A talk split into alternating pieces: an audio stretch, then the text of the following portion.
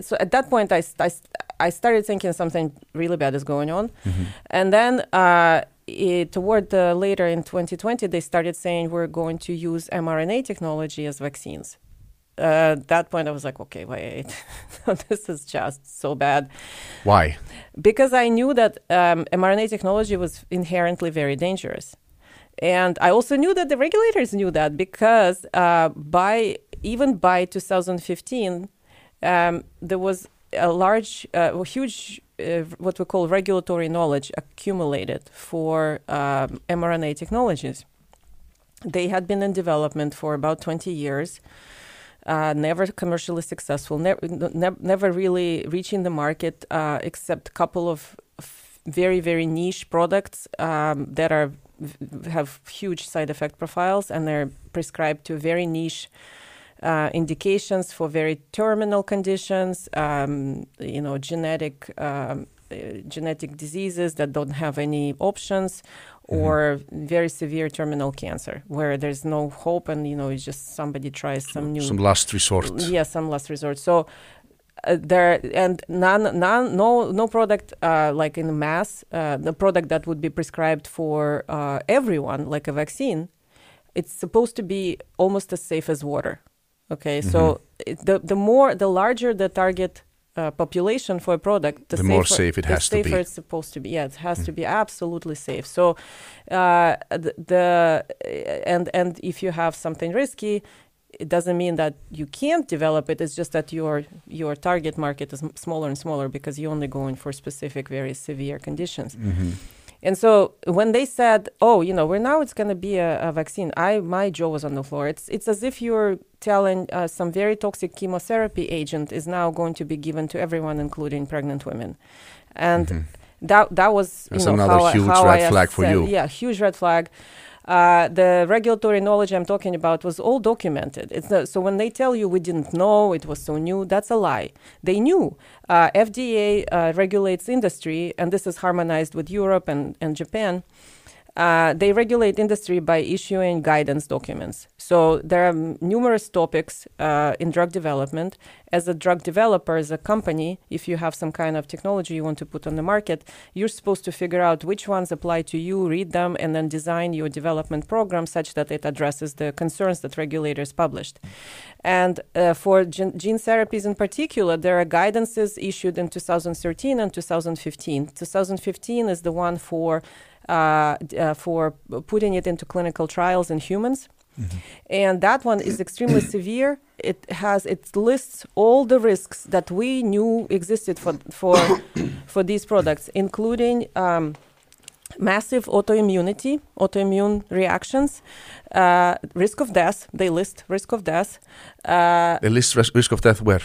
Uh, in the guidance. So they're saying this gene therapies, this mRNA class or, or DNA, uh, DNA or, or RNA gene therapy products are known to to co- to have risk of death.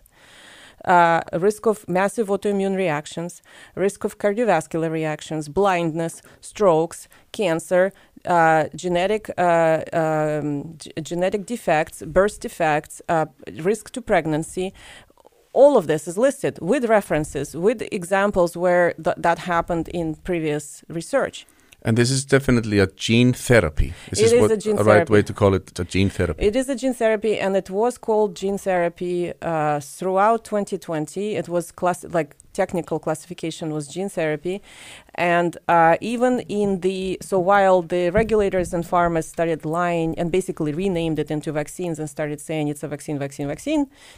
Uh, when they were uh, releasing, so both BioNTech and Moderna, when they were releasing shareholder uh, reports to and filing them with Securities and Exchange Commission, it's much harder to lie there because you're liable for as a as a as a company you're liable to shareholders. So they were telling the truth in those filings, and they were saying FDA considers our product a gene therapy. Okay. So, and yeah, it is a gene therapy. It's just uh, like for for this for this purpose, they renamed it into vaccines, and that's how they avoided all. You know, that's how they, in principle, avoided hitting all those guidance documents that were written for gene therapies by just saying, "Oh, it's no longer gene therapy; it's a vaccine now." And what what goes Mm-hmm. through your head or Mhm. your mind when you realize that they are Mhm. s- starting to use this mRNA uh, technology, which Mhm. which you know that they know Mhm. are, is dangerous? Uh, I mean, what? Uh, how how how did you respond to that? What well, did you think? uh, yeah. So I thought, well, at that point, I was like, "There's no way I'm touching it, or my family is touching it." So that's one uh, one conclusion. Uh, and then I started looking into the data when they when they did push them on the market. So there was no no data to look at. The first um, first data was available in December 2020. Was the briefing document that uh, Pfizer and BioNTech submitted to the FDA for the emergency use authorization. So that was December 10, 2020. It was a short document about 50 pages. They summarized their clinical trial result at that time, which was very short. The clinical trial was supposed to go until end of 2023. But Mhm. you know, you remember they stopped it early. They unblinded it. They they took all the uh, control subjects and injected them, which is a huge problem. In that, that means that you finished your study. There's no more. St- you can no longer compare with your your Mm. Um, active drug versus your control. And then they summarize these results and they present it to the FDA. Even in that document, which was then unanimously, you know, uh, approved by the FDA committee. But even in that document in December 2020, I saw huge red flags. I saw that they uh, manipulated the data. There was on, on the, around page 40, uh, they said, oh, we had um, in the vaccinated arm, we had um, several thousand, I forget, 3,000 or so, um, suspected unconfirmed COVID cases, which Mm. we excluded from the total because they're unconfirmed. Wait, I, I don't understand. Please elaborate a little bit. yeah, so suspected unconfirmed COVID case means that somebody had symptoms of Mhm. COVID, was sick with, with COVID. Uh, they either produced a false negative PCR test or they didn't even test them. And most of the time, when we re- later got data released, Mhm. they just didn't test them. They did. They somebody in the vaccinated arm had um, COVID.